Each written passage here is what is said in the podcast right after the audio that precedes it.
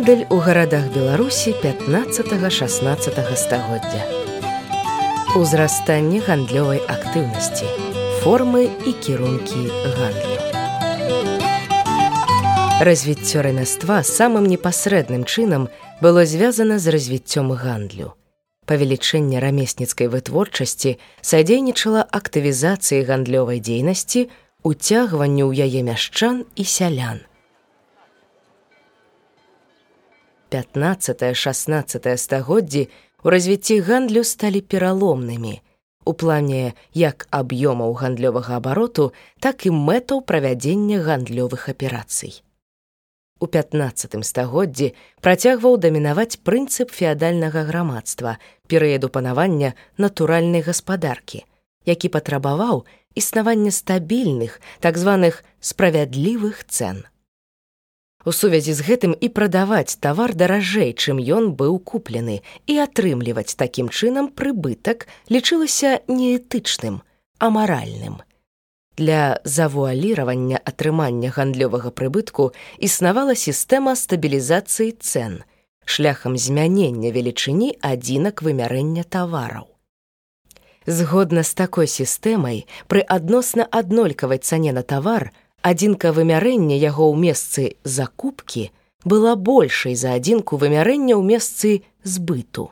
Розніца ў вазе і складала прыбытак купцоў. Такая сістэма існавала на традыцыйных гандлёвых кірунках. Так, адным з асноўных пунктаў экспарту полацка ў рыгу быў воск, а з рыгі ў полацк срэбра.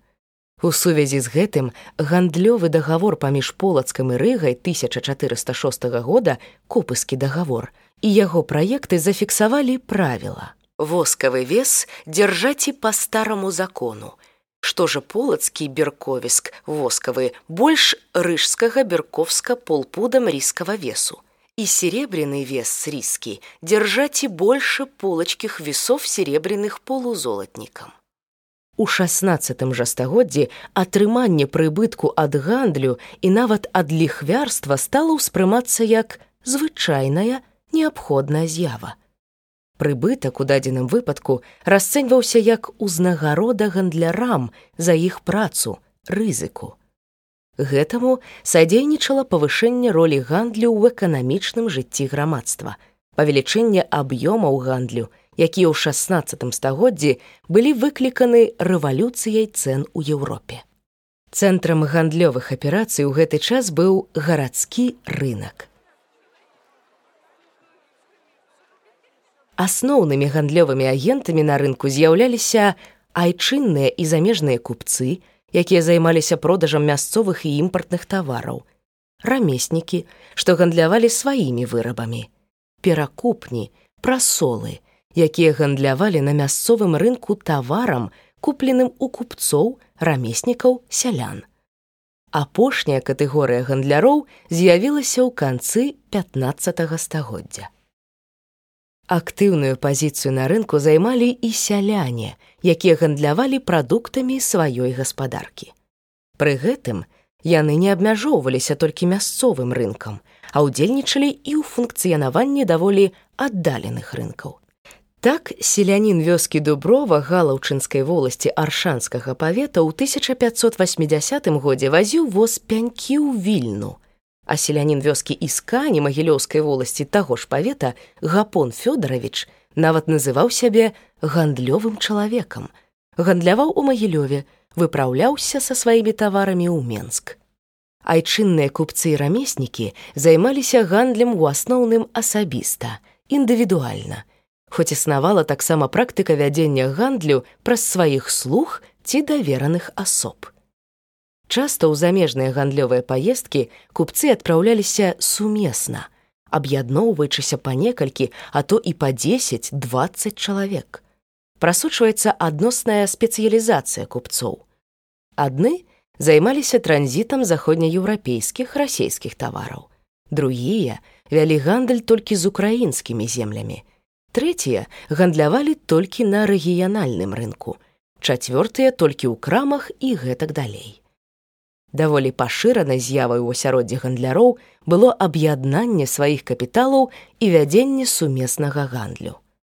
У такіх выпадках гандляры аб'ядноўвалі свае сродкі ў роўных долях ці прапарцыянальна сваім магчымасцям і атрыманы прыбытак ад сумеснай дзейнасці дзялілі ў залежнасці ад долі кожнага. Знешні гандаль, гандлёвыя шляхі.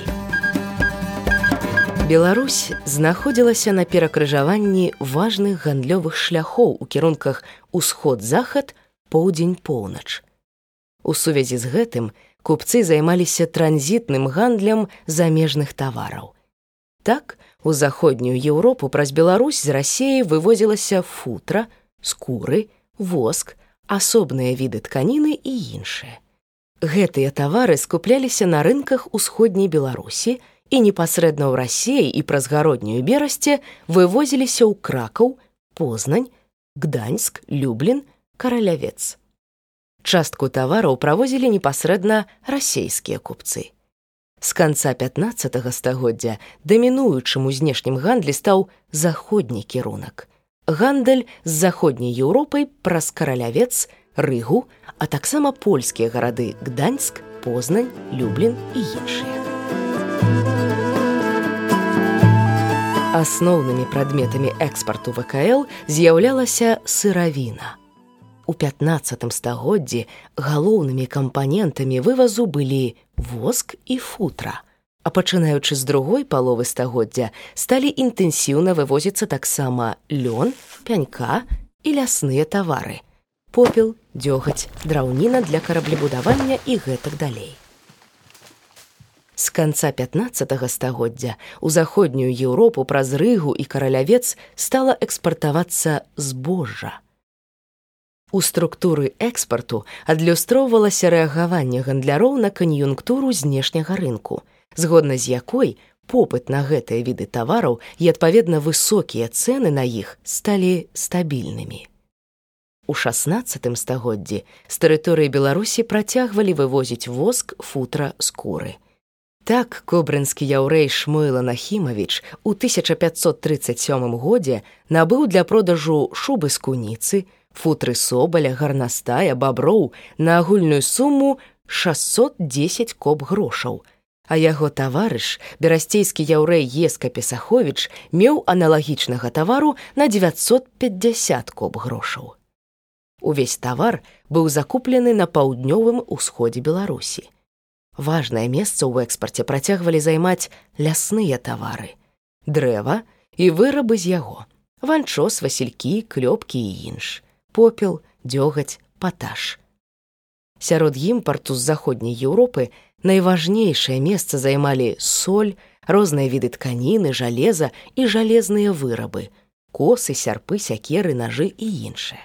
Падтрымліваліся ажыўленыя гандлёвыя зносіны з рассеяй. Туды вывозілі заходнееўрапейскія тавары: тканіны, сукны, шоўк, металічныя вырабы, нажы, цвікі, косы, іголкі, дрот, галантарэю, капелюшы, паясы і іншыя, прыправы панеру. У вялікай колькасці вывозіліся вырабы мясцовых майстроў. Скураны абутак, вупраш, юхт, адзенне, гаршкі, сафян. У гандлі з рассеяй галоўнае месца займалі магілёўскія купцы. З рассеі ў асноўным завозіліся футры, собаля гарнастая куніцы вавёркі лісіцы выдры мядзведзя і скуры з украіны на тэрыторыю беларусі паступалі соль і ўсходнія тавары турэцкія дываны шоўк і шаўковыя вырабы і гэтак далей адным з самых прыбытковых відаў гандлю быў гандаль рыбай з заходняй еўропы завозілі селядцы з украіны з басейна дняпра ў 16 стагоддзі масава завозілі рачную рыбу. Але асноўным пастаўшчыком рыбы на беларускі рынак былі ўласныя рэгіёны.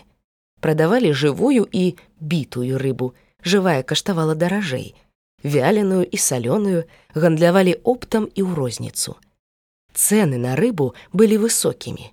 У гарадзенскім рэгіёне ў 1569 годзе шчупак галаўны ацэньваўся ў 24 грошы.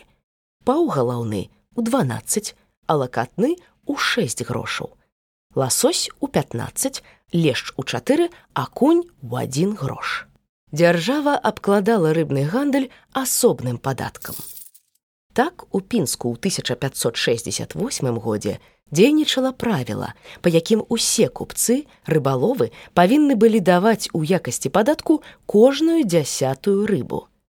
Акрамя таго, хто саліў рыбу ў бочках для продажу, павінен быў бочкі нацехуваці і ўзяць аб гэтым квіткі ў адказнага па зборы гэтага падатку. Да таго ж трэба было заплаціць цэхаваго, адзін грош і адзін грош даць за квіт десятипроцентны пабор ад прададзенай ці прывезенай на продаж рыбы існаваў і ў іншых рэгіёнах. Для забеспячэння гандлёвай дзейнасці перавозу тавараў выкарыстоўваліся як сухапутныя дарогі, так і рэкі. Найбольш важнае транспартнае значэнне мелі водныя артэрыі Нёман, Вілія, заходні бух, дзвіна, Днепр, сош, прыпяць і іх буйныя прытокі. У 16 стагоддзі пры неабходнасці рэчышчы ачышчаліся для больш бяспечнага праходжання рачных суднаў. У зімовы час замёрзлыя рэкі выкарыстоўваліся як дарогі, па якіх грузы везліся сухім лёдам. Летам як транспартныя сродкі выкарыстоўваліся плыты, асабліва ў басейне ракі вілія, разнастайныя рачныя судны, дубасы, шкуты, стругі, камягі, паўкамягі, байдакі, чаўны рознай канструкцыі. Напрыклад, павіліі павінны былі сплаўляцца плыты з дрэва не шырэйчым 30 бярвёнаў. У 1542 гэтае абмежаванне было знята.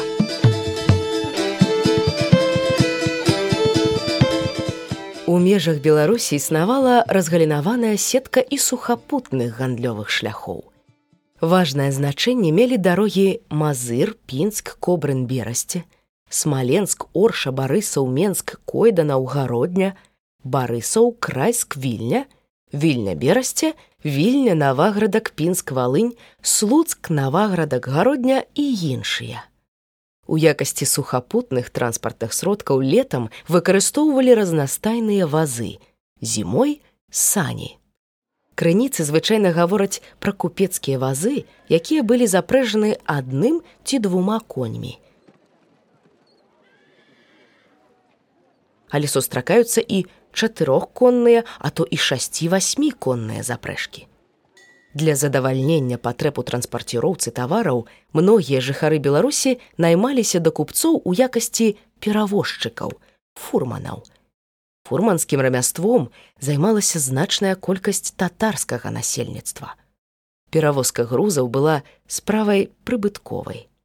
Мяшчане оршы, уліваючы значныя даходы ад возніцтва і дэфіцыт гарадскога бюджэту, добраахвотна згадзіліся ўносіць у мясцовы скарб падатак з прыбытку, які атрымлівалі ад наймання да купцоў для перавозкі тавараў сухапутным ці рачным транспартам.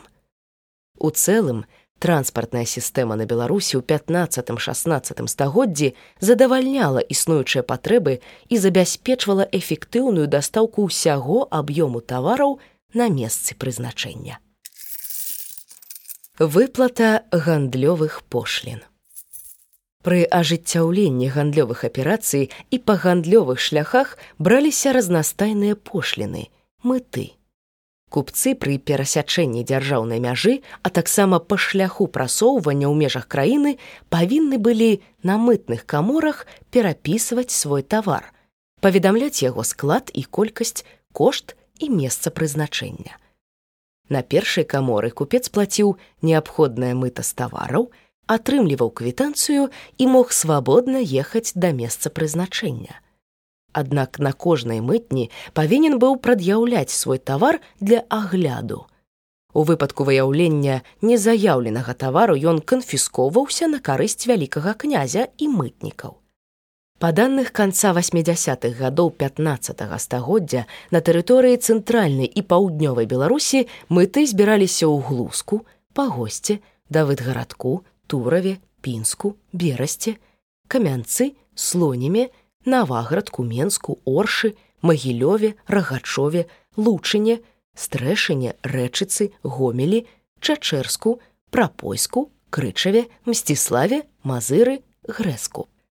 Адной з асноўных дзяржаўных мыт было так званае старое мыта яно спаганялася з агульнага кошту тавару спецыяльныя тарыфы мелі толькі лясныя тавары воск соль пэўныя віды сукна жывёла У межах ВКЛ узровень тарыфу старога мыта залежаў ад мясцовых традыцый. Тавар ацэньваўся і ад кожнай капы грошаў бралася па два грошы, тры адсоткі кошту тавару. А ад кожнай телегі солі 20 грошаў і дадаткова з кожнай камягі солі старога мыта спаганялася 12 грошаў. Па даных сярэдзіны 16 стагоддзя старое мыта збіралася па стаўцы два грошы з капы. Прычым замежныя купцы плацілі гэтую пошліну поўнасцю, а купцы ВКЛ толькі 50соткаў. Пры жыгемонце старым было ўведзена мыта новае. Стаўкі новага мыта вызначаліся на пэўны час і па асобных відах тавару. Мыты збіраліся па мытных уставах, інструкцыях універсалах, якія да сярэдзіны 16 стагоддзя зацвярджаў вялікі князь, а з другой паловы 16 стагоддзя сейм. У целым, у 1526 годзе новая мыта бралася па стаўцы 1 грош з капы, 2% кошту тавару. У 1577 годзе 2 з паловай грошы з капы 4%. У 1583 годзе 2 грошы з капы 3%.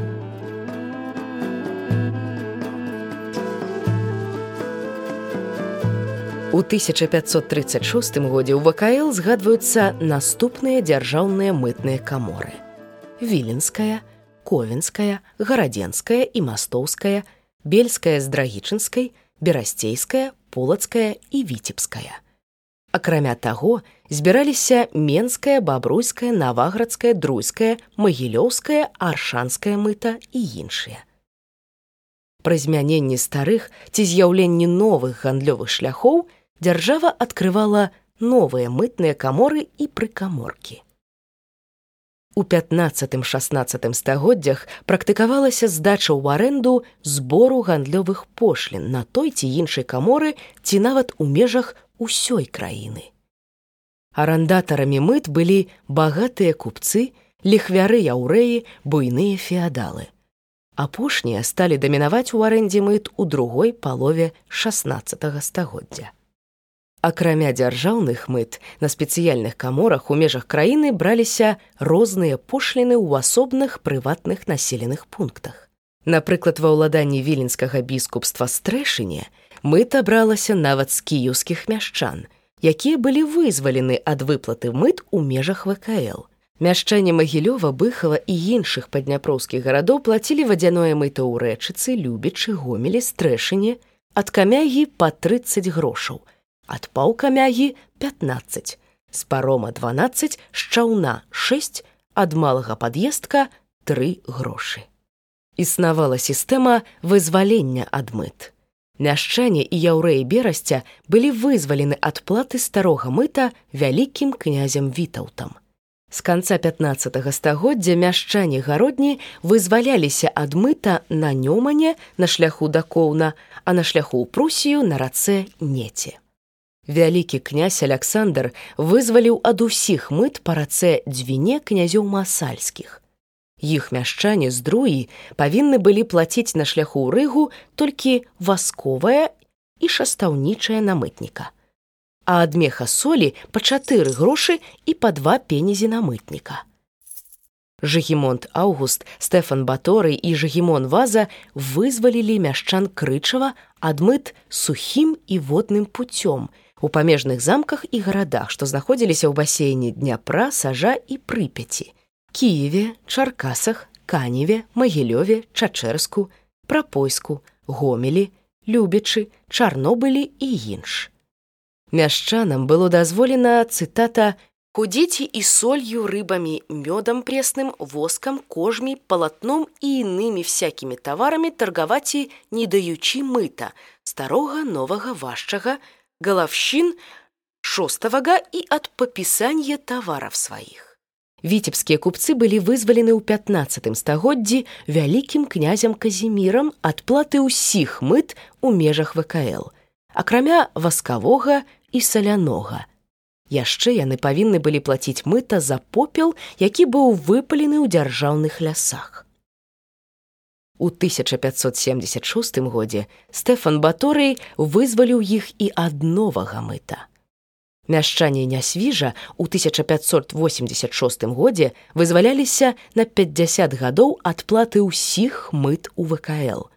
ад маставога, грабельнага, далей цытата старого головного и скопного мыта, так те же подляского и волинского мыта и пограничных мыт, которые до скарбу великого княства литовского належат, и от воску восковничего, от соли сольничего, от сбожья вшелякого, также перевозного, важного от ваги шестовщины, береговщины, галавщизны, езавщизны і от быдла всякага і ад коней ку таму абвестак подужнага торговага вазавога ад фурманов волкавщизны звальнага і ад іншых мыт і пабораў.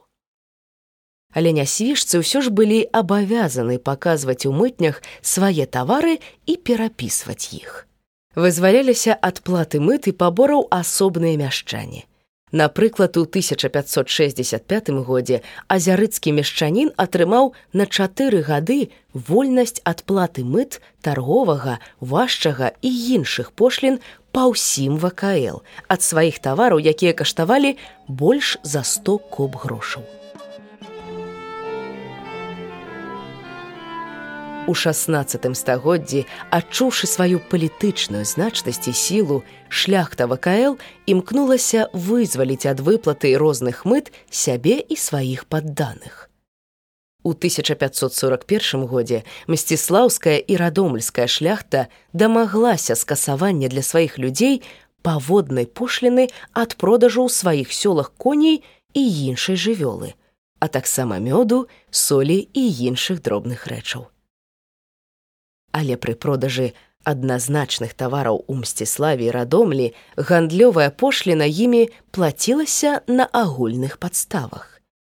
У 1551 годзе шляхта дабілася права бяспошлінага вывазу за мяжу лясных тавараў з сваіх лясоў.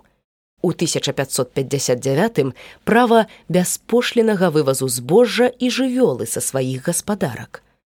У 1565 годзе права бяспошлінага ўвозу іншаземных тавараў, але толькі на свае патрэбы. Ад пошлін маглі вызваляцца не толькі жыхары ВКЛ, але і замежныя падданыя. Так у 1533 годзе атрымаў волю на адзін год ад усялякіх пошлін купец турэцкага султана Андрэй Грек з Канстантинополя. У 1577 годзе быў вызвалены на чатыры гады ад платы мыта ў ПКЛ купец зямлі армянскай Марат Михайлович.